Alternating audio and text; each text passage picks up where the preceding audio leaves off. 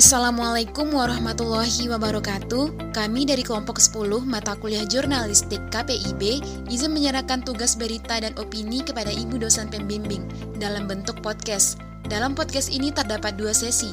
Sesi pertama pembacaan berita oleh Azi dan Indah. Sesi kedua penyampaian opini berupa dialog interaktif antara Debbie dan Intan. Sekian tugas dari kami, Bu. Salah dan janggalnya kami mohon maaf. Wassalamualaikum warahmatullahi wabarakatuh.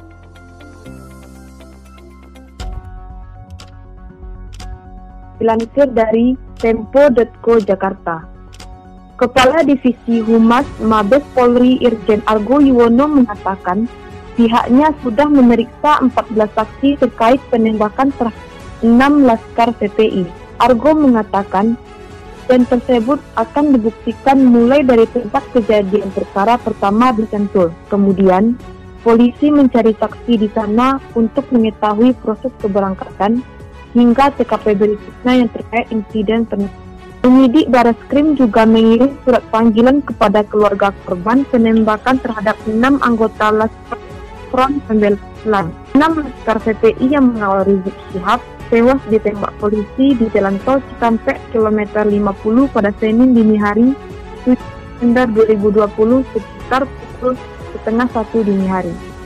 Menurut polisi, Hal ini dilakukan karena Laskar menyerang petugas menggunakan senjata api dan senjata tajam. Sekretaris PPI Munarman membantah klaim polisi soal Laskar pengawal Rizik memiliki dan membawa senjata api. Menurut Munarman, setiap anggota PPI dilarang membawa senjata api, senjata tajam, bahkan peledak terbiasa dengan tangan kosong. Dia menilai polisi telah memutarbalikkan fakta mengenai senjata ini. Kompas.com, pemimpin Front Pembela Islam FPI Rizik Sihab akhirnya angkat bicara soal bentrok antar rombongannya dengan polisi di Tol Jakarta Cikampek pada Senin 7 Desember 2020 dini hari yang mengakibatkan tewasnya 6 laskar khusus FPI. Menurut keterangan Rizik yang ditayangkan dalam akun YouTube Front TV, kanal resmi FPI, Sejumlah kendaraan tidak dikenal membuntuti rombongannya pada Senin dini hari dan mencoba untuk memanuver masuk ke dalam rombongannya. Mengaku ada di dalam iring-iringan kendaraan tersebut. Itu tidak ada yang menduga bahwa kendaraan yang membuntuti mereka ditumpangi anggota kepolisian. Ia juga mengatakan bahwa mobil yang mencoba masuk ke dalam rombongannya sangat banyak Dua mobil pengawal yang ada di dalam rombongannya kemudian berusaha menghalau mobil tersebut. Dari keterangan FPI sebelumnya, dua mobil pengawal Rizik terpisah dengan rombongan utama saat menghadang mobil pengintai itu. Satu mobil kemudian melarikan diri setelah mendengar suara tembakan. Belakangan diketahui bahwa keenam anggota laskar tersebut tewas ditembak oleh polisi yang berada di dalam mobil pengintai itu.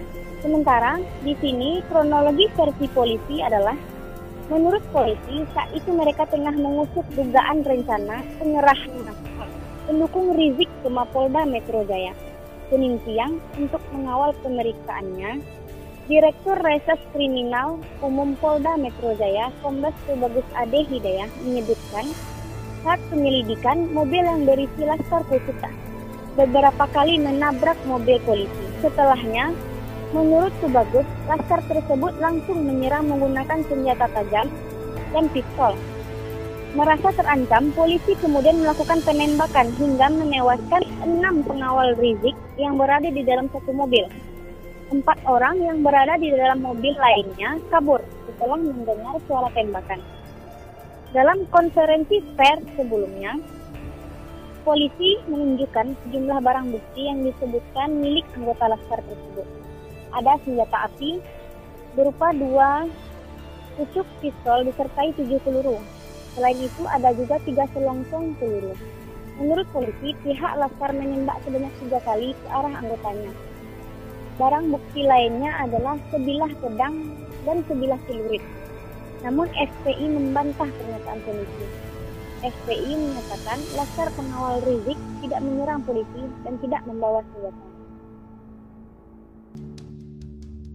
Ya, baik. Terima kasih kepada Indah dan Aziz.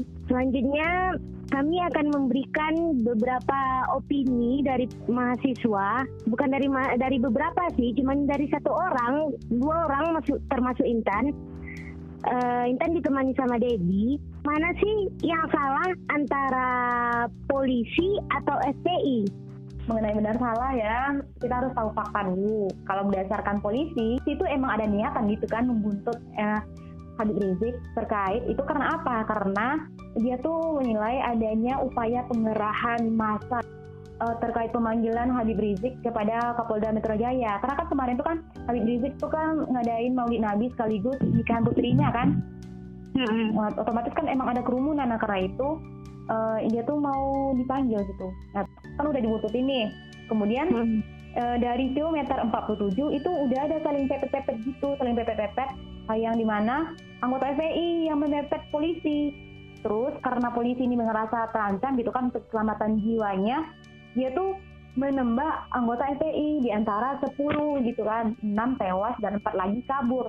Yang katanya eh, polisi tuh eh, terjadi aksi tembak menembak gitu. FPI ini menggunakan senjata tajam dan juga senjata api. Sementara versi FPI itu membantah, membantah secara keras gitu kan eh, bahwa FPI yang menyerang polisi. Karena apa? Karena sekretaris umum tuh ngatain fitnah gitu kan fitnah gitu loh kalau kami itu yang menyerang polisi karena apa karena senjata eh, karena FPI ini dia tuh nggak dilengkapi sama senjata menurut mereka tuh itu kan ada beberapa mobil yang berusaha masuk ke dalam rombongan keluarga Habib Rizik Sihab ini ke dalam iring-iringan keluarga ini. Dan mereka tuh berusaha memanuver gitu kan masuk ke dalam rombongan. Karena ini kan e, karena untuk keselamatan gitu kan untuk keselamatan Habib Rizik makanya pengawal atau laskar FPI ini berusaha menghalangi mobil tadi itu. Nah, pas kejadian itu anggota FPI nggak tahu itu polisi atau enggak karena waktu kejadian itu mereka ngakuin bahwa itu tuh dia tuh nggak berseragam polisi dan tindakannya itu tuh lebih ke arah premanisme gitu gitu. Jadi FPI hmm. itu melan, apa ya menantang secara keras atau mem, apa ya nggak setuju gitu loh kalau ngatain kalau FPI yang menyerang polisi gitu. Hmm. Gitu. Kalau Intan gimana? Oh, menurut Intan juga menurut Intan sih juga banyak keganjalan dari polisi kan. Kalau katanya kan menurut kesaksian polisi ada aksi tembak menembak kan. Hmm. Kalau ada aksi tembak menembak, otomatis pasti ada yang dari polisi itu yang terluka gitu kan. Ah, iya iya iya. Nah, terus kenapa dari cuman yang meninggal itu cuman dari FPI? Emangnya iya. polisi sehebat apa sih dari peluru? Sedangkan kecepatan peluru itu aja nggak terlihat sama mata kita gitu kan? Iya iya iya. Itu kan hmm. terdapat banyak pro kontra gitu kan. Makanya kan rame gitu kemarin tuh meme bertebaran di, di sosmed, di IG gitu kan. Katanya FPI pelaku tapi FPI korban. Kan nggak masuk akal gitu inti memenya. Benar-benar. Gitu. Terus yang minta nyaranin itu polisi tuh ngapain coba jam satu malam masih keluyuran di daerah itu gitu ya kan dia itu berhasil katanya ya ngebuntutin kan uh -uh. Ya otomatis siap kalau Intan ya uh -uh. gimana sih kalau dibuntutin tapi nggak nggak senang gitu kan uh -uh, iya iya terus masalah rekaman rekamannya yeah. cuma rekaman dari ini dari si EP ini aja yang yang keluar kan yang uh -uh. diungkapin mana tahu dari yang polisi ini lagi ngomong walaupun nggak direkam pasti di mobil itu ada juga omong-omong yang nggak baik gitu ah iya iya iya iya emang aneh sih emang terdapat banyak keganjalan gitu kan. Terus? Apa itu? Ya, iya terus pemerintah tuh juga gimana ya ngomongnya ya? Langsung dengan secepatnya menyatakan kalau Habib Rizik yang terdakwa. Iya, iya bentar dulu. Uh, kan pas itu kan pas kejadian penembakan ini nih mobil FPI ini kan ada delapan gitu kan. Dua hmm. Dua yang menghalangi mobil yang membutuhkan tadi itu. Nah salah satu mobil itu berhasil kabur. Terus yang satu mobil yang berisi enam laskar yang tewas ini. Nah ini yang tidak diketahui pas malam itu emang nggak diketahui eh, oleh FPI gitu. Mereka tuh tewas atau enggak. Tapi berdasarkan ada itu kan Intan pernah dengar itu nggak? Ada voice note yang beredar tuh mah nya FPI iya iya uh, terdengar suara tembakan gitu. Tapi nggak tahu pasti itu tuh emang terjadi eh, emang anggota FPI yang ditembak terus tewas di sana atau gimana. Soalnya FPI juga nggak dapat keterangan.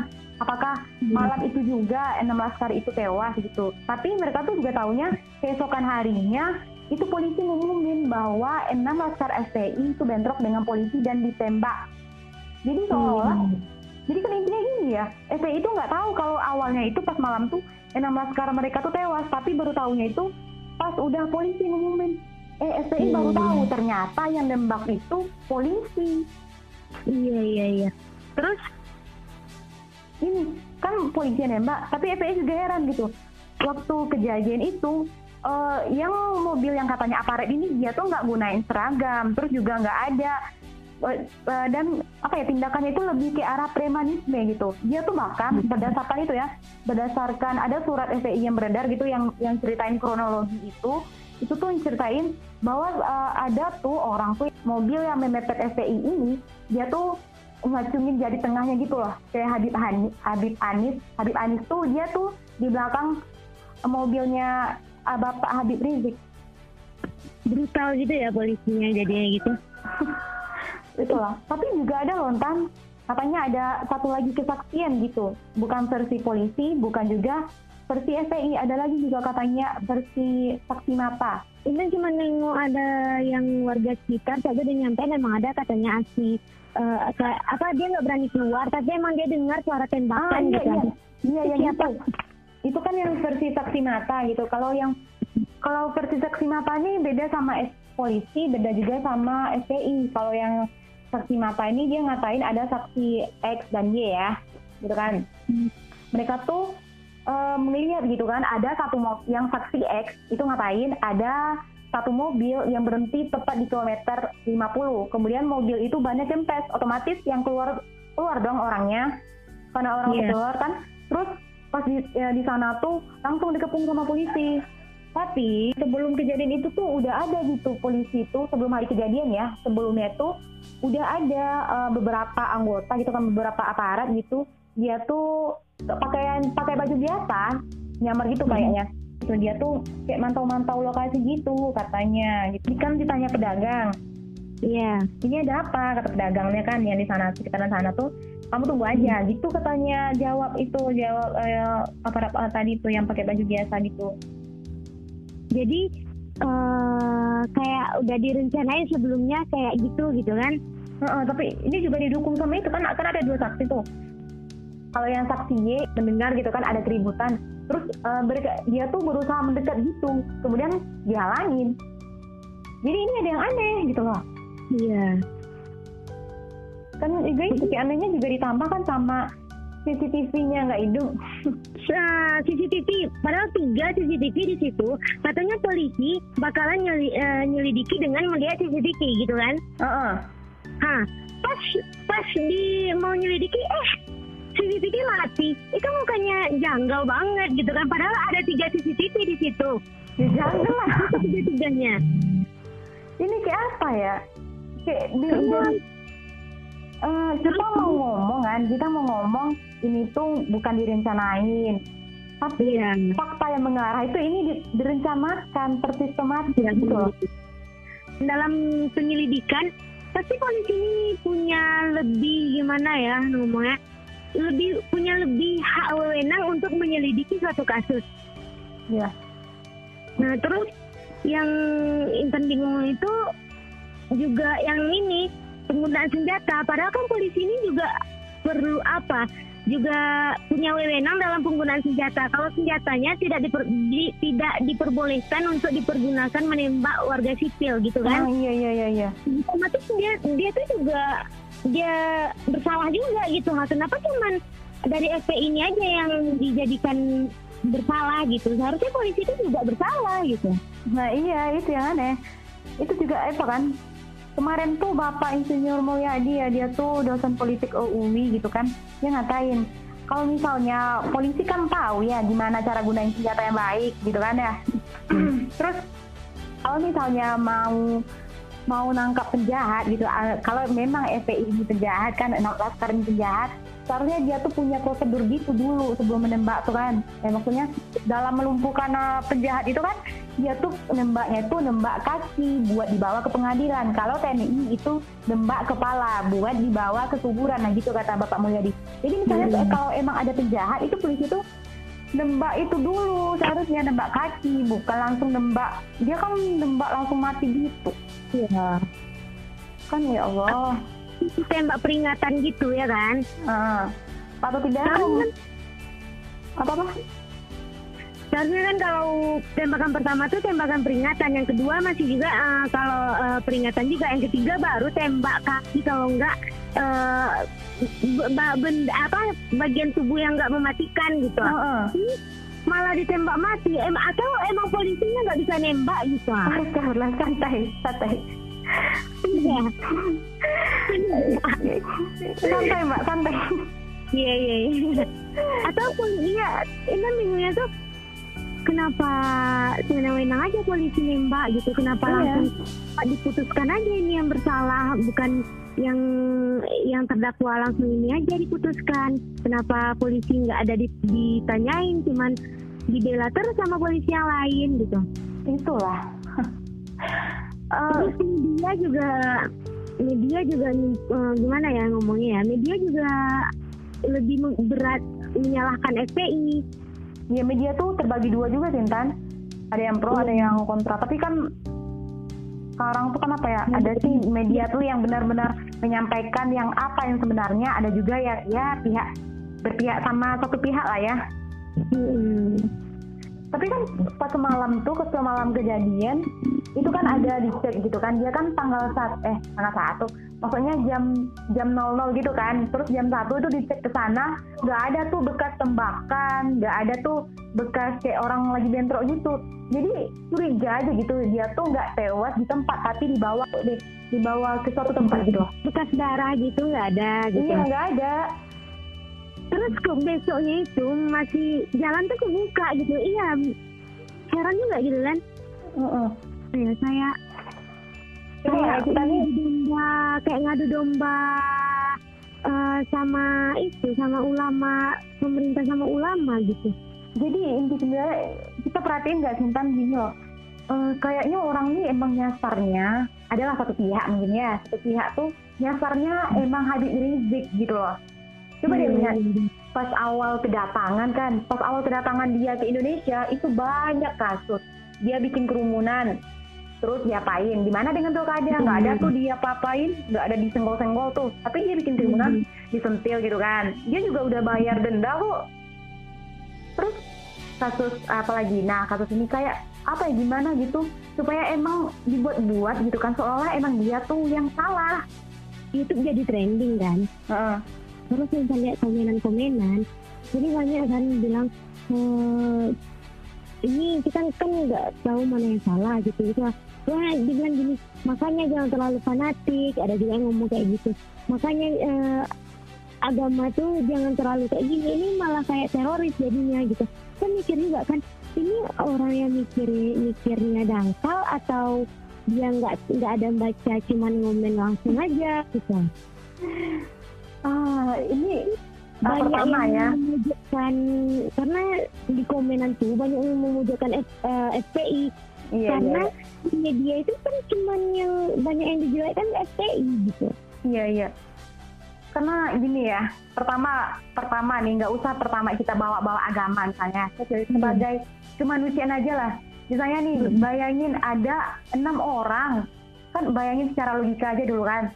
Ini ada hmm. orang dia tuh mengawal ulamanya terus ada orang nggak dikenal mau merusak eh, mau merusak mau ya pokoknya mau bikin kegaduhan lagi tuh kan otomatis kan sebagai naluri kemanusiaannya gitu kan otomatis kan dia hmm. ngelindungin dong hmm. gak usah lah bawa agama sana dan lagian ini nyawa loh enam nyawa yang tewas gitu loh itu di Amerika aja satu nyawa yang tewas George Floyd kemarin udah dem demo besar-besaran orang ini enam nyawa loh ini bukan nggak ada sangkut pautnya sama fanatik-fanatik gitu loh.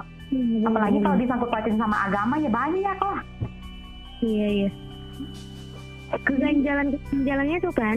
Uh, kan kita udah cerita nih tentang keganjalan keganjalan. Hmm. Jadi Intan lebih percaya mana, FPI atau polisi? Kalau kan sih lebih percaya gimana sih ngomongnya karena uh, belum diungkapin ya kan tapi Hmm. ini menurut kita Ya kita kan beropini ya. lebih lebih ke itu si FPI karena kenapa banyak aja jalan-jalan dari polisi pernyataan polisi ini kalau dia kalau kan polisi ini barang buktinya kan uh, senjata tajam Iya. Ada juga Hmm. senjata api kan dua Iya, pisau terus ya. yang rekamannya ini rekaman ini nggak bisa jadi bukti kuat loh padahal kan nggak ada wajah jadi kita nggak tahu ini ini sebenarnya rekaman siapa terus eh, rekaman itu bisa aja dipotong-potong kan sekarang tuh media tuh cepat gitu ah Mm-mm. terus eh, yang masalah senjata tajam sama sama apa nih sama pistol nih kan sebelum menggu, sebelum me- menggunakan me- apa namanya tuh sebelum terbukti itu tuh kan senjata tajam walaupun ada ada apa namanya tuh ada darahnya itu kan nggak boleh di nggak boleh di dibersihin gitu kan Mm. Ini pas nengok di lihat di berita berita gitu Mm. bersih aneh kan hmm. Aneh lah. itu masalah polisi yang gunain eh, pistolnya dengan nggak nggak tepat gitu kan Iya. polisi ini pu- punya wewenang dalam menggunakan emang punya wewenang dalam menggunakan pistol tapi harus ada syarat-syaratnya juga Iya nggak langsung nembak bikin orang tewas. Kalau nggak bisa kena sanksi loh bisa dipenjarakan nah ini malah polisi ini malah dibebaskan malah nggak ada dipenjarakan malah kemarin ada katanya kan baca berita, malah polisi yang nembak tuh naik pangkat loh. iya naik Apa pangkat kan ini? Hmm. Aduh. ya itu aneh banget gitu polisi ini juga punya banyak keuntungan dalam penyelidikan Iya. Sebenarnya saja mereka menghapus eh, rekaman kayak CCTV ini kenapa dia mereka nggak dapat eh, padahal tiga CCTV mati semua gitu ah kenapa mati gitu nggak mungkin dong apa ya? iya Rasa receh gitu loh kalau dibilang kebetulan. Kebetulan mati, kebetulan ada peristiwa gitu. Kebetulan CCTV-nya nggak hidup. Terlalu banyak kebetulan gitu loh. Mm-mm. jadi kayak jadi kita kan apanya emang mandangnya jadinya ini kayak wow ada kok ada yang kok sistematis sekali gitu loh. Benar-benar terus kalau ya yang yang kita bahas tadi lah kalau senjata tajam kalau FPI gunain senjata tajam mana polisi yang terluka? Iya ah, itu ya itu yang Intan selalu yang paling ganjal itu ya itu mana polisi yang terluka? Tergores aja nggak ada. Atau mungkin ada yang tergores tapi nggak fatal gitu ah. Ya, nggak ada kan fatal uh-uh. gitu. di situ ada kejanggalan gitu dari kesaksian diberikan polisi kan. Karena Hmm. kalau iya FPI yang menyerang apa buktinya gitu? Di mana? Nah, seperti apa gitu ke- kerusakan yang di- disebabkan oleh FPI mana yang tertembak gitu kan? Iya. Tapi ini enggak gitu. Malah dinaikkan pangkat kan ya ampun. Ba- itu kan pas malam tuh kan ada yang dengar dua tiga tembakan. Kan yang ada saksi mata yang dengar ada dua tiga tembakan kan. Hmm. terus eh, juga ini terhadap kematian korban. Itu kan ada tuh saksi yang memandikan jenazah kan. Dia tuh bilang itu tembakannya bukan cuma sekali loh. Tiga sampai Iya. empat kali ditembak. Bahkan ada yang nyampe tembus ke belakang ya Allah. Ini sebenarnya nih rasa intan ya. Ini nih bukan bukan kebetulan. Emang disengaja. Iya nampak kelihatan kali gitu. Iya. Terus ini polisi tuh banyak kali cecok. Apa namanya itu ngomongnya? Em, berbelit-belit gitu lah hmm. pernyataan tuh? Kemarinnya pernyataan, uh-uh. kemarinnya ketemu ini ditemukan bukti ini. Terus sekarang ditemukan bukti ini. Ah, Ya, nah, iya. Gak langsung konsisten jadinya kan? kenapa nggak langsung aja dikumpulin semuanya terus baru dibilang gitu ha Nah, iya ini. Ini yang jadi tanda tanya. tuntas gitu Pernyataan yang dibikin polisi itu nggak konsisten. Lain sama FPI. FPI kan itu pernyataan dari awal ya udah sampai itu. Iya. Sekarang kan gitu. Gimana kronologinya gitu. Tapi ke polisi eh, hasilnya kemarin gini, terus sekarang gini lagi. Ya berubah-ubah dong. Nambah-nambah aja gitu loh. Jadi ya aneh jadinya. Dan juga ditambah gitu kan ya. Kan banyak beredar nih. Sehingga kan sekarang tuh kan banyak opini-opini yang beredar gitu kan terlepas Hmm. benar salahnya. Itu kan nggak eh, apa juga kan? Baik juga. Itu karena juga itu. Karena pemerintah tuh belum ngambil tugas gitu. Ibaratnya kan sekarang karena banyak orang yang pro kontra kan ada yang pro FPI ada Hmm. yang pro polisi nah eh, sekarang tuh orang tuh lagi ngedesak gitu kan untuk terbentuknya itu tim independen gitu yang mengusut kasus ini tim independen ini ya bisa saja bisa dari akademisi dari kampus-kampus gitu ya menyelidiki kasus ini tapi pemerintah masih diam Iya iya. Terus gini ya, eh, kan orang yang apa itu yang pro ke polisi ini banyak juga yang ngomong ngapain ya sih jam satu malam? eh emangnya ada pengajian jam satu malam? Katanya gitu kan? nggak baca dia ya Iya, itu kayak dia Islam. Kita kan nggak tahu aja, kan memang pengajian tuh ada jam satu malam juga ada gitu. tapi ini pengajiannya tuh bukan pengajian buat jam satu malam FPI ini eh, Bapak Abil Rizik ini Ini gitu kan? ya Abil Rizik ini dia tuh buat pengajian subuh makanya berangkat malam Iya iya benar. Hmm, nggak baca berarti nggak baca dia Dangkal banget gitu. santai santai Ya dangkal gimana sih? Ini juga itu lah yang dilihat kemarin kan. Terus ngapain satu malam terus dibalas lah sama FPI gini. Nggak eh, jarang eh, pergi ke pengajian makanya anda nggak tahu katanya. kalau dia misalnya nih jam satu malam jam satu malam ngapain ngajian nah dia jam satu malam ngapain buntutin Iya benar ngapain buntutin? ada-ada aja. Banyak banget keanehan yang dilihat dari pernyataan polisi gitu.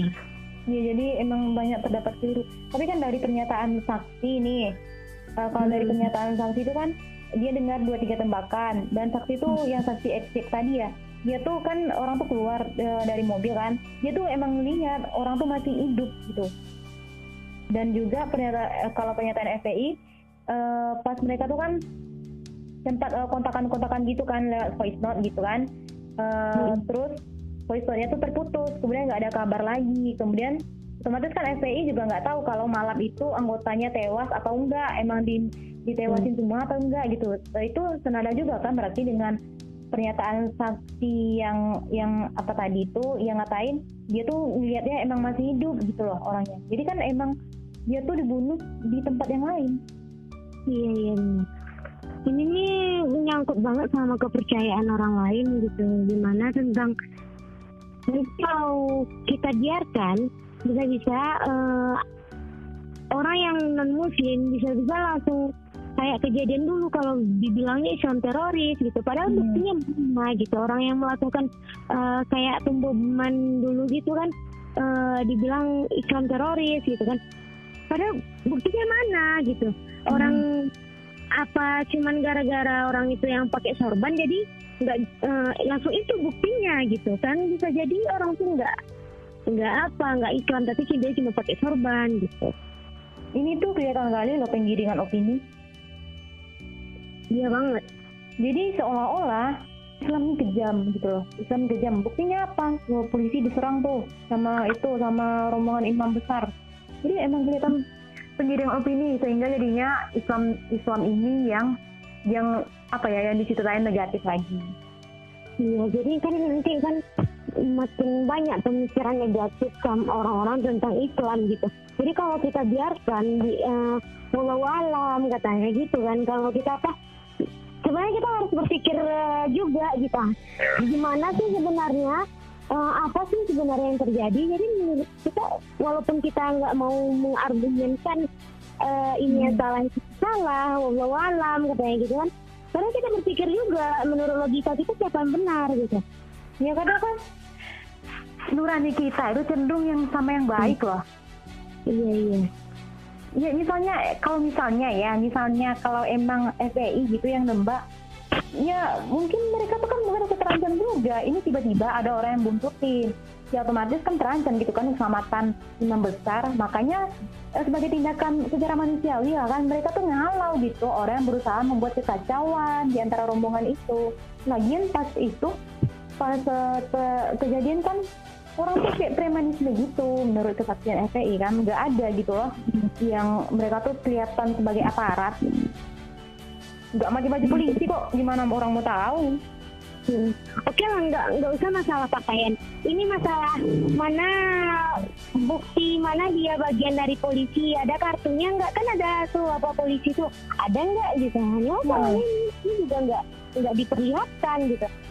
ini juga masalahnya ya kan waktu pembusutan itu itu Habib Rizik tuh masih eh, apa ya statusnya itu masih sebagai saksi loh belum jadi tersangka tapi udah dibuntutin Iya benar benar benar. Kan aneh. Lain hal misalnya kan dia udah jadi eh, tersangka kemudian berusaha kabur ya wajar lah dibuntutin lah ini jadi baru jadi saksi. Iya iya. tapi sekarang kan udah itu udah ditangkap sih. Ini mungkin orang tuh masih ada dendam dari Habib, Habib Rizik yang sebelumnya pergi ke Mekah. Jadi orang tuh dia nggak bisa eh, ngapain namanya tuh?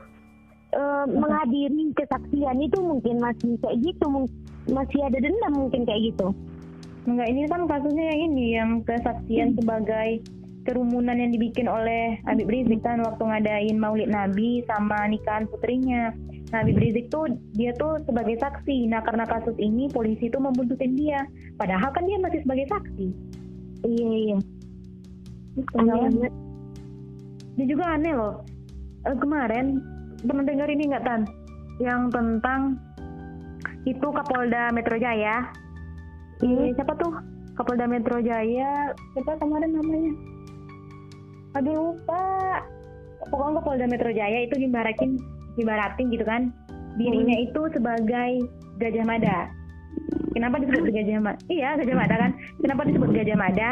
Karena dia tuh berusaha menghentikan tindakan premanisme yang ada di Jakarta. Karena kan prima- tindakan premanisme ini kan banyak merugikan orang gitu kan. Dan juga tindakan kejahatan itu sekarang tuh banyak mengatasnamakan agama, suatu Hmm. ormas, suku gitu kan katanya. Dan juga dia tuh harus memberantas. Nah, kalau premanisme diban- diberantas, otomatis rakyat tenang dong, gitu katanya kan. Aku tadi bertanya, yang dimaksud preman di sini oleh Kapolda itu siapa? Terus dia nambahin, apalagi kan aksi si premanisme ini udah aksi preman ini udah dilakukan semenjak 1998. Nah, 1998 itu adalah berdirinya FPI. Seolah dia tuh ngatain saya ini Gajah Mada yang berusaha memberantas FPI karena dinilai FPI itu kayak preman gitu. Hmm. Ini apa maksudnya? Ya walaupun di dalam berita itu nggak disebutin dia tuh memberantas FPI gitu kan, tapi pernyataan itu mengarah ke situ. Kalau Iya, itu bener. opini opini aku gitu. Jadi gimana Nintan? Kita sebagai mahasiswa nih harus ngapain nih? ya kita sebagai mahasiswa tuh harus juga harus memberi opini harus paling eh, menurut eh, harus memberi opini gitu kita nggak boleh diam aja kalau masalah masalah yang kebenaran ini ditutup kita nggak bisa diam aja gitu Ya, kita tuh nggak boleh gitu kan diam-diam aja uh, anti politik. Ini kan berkaitan dengan hubungan bom politik gitu. Jadi kita tuh sebagai anak muda tuh nggak boleh gitu kan anti politik. Kita tuh harus melek politik. Apalagi kita kan mahasiswa agen of change penerus bangsa gitu ya kan. Iya mau Indonesia kita terus terjajah gitu. Karena kita diam aja gitu. Terutama kan kita nih sebagai mahasiswa muslim kan harus memperdalam Islam lebih tahu lebih jeli lagi. Sehingga kita tuh tahu siapa sih sebenarnya orang yang benar dan orang yang salah. Jadi kita punya pola ukur gitu yang benar dan salah tuh yang mana gitu. Jadi kita punya pola ukur. Benar-benar kita punya akal untuk menelaah gitu kan. Mm-mm. ini kan itu aja opini dari Intan ya kalau dari ini udah udah siapa apa belum? Udah dong udah panjang. Ya mungkin cuma itu. Udah kita tutup aja lah ya. Ya itu.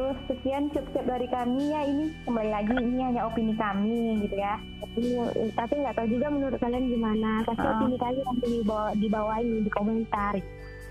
Udah, ini ini juga dari fakta apa ya kami ngomongnya ada dari itu dari berdasarkan sumber-sumber Iya. dari baca Lihat gimana beritanya gitu Mm.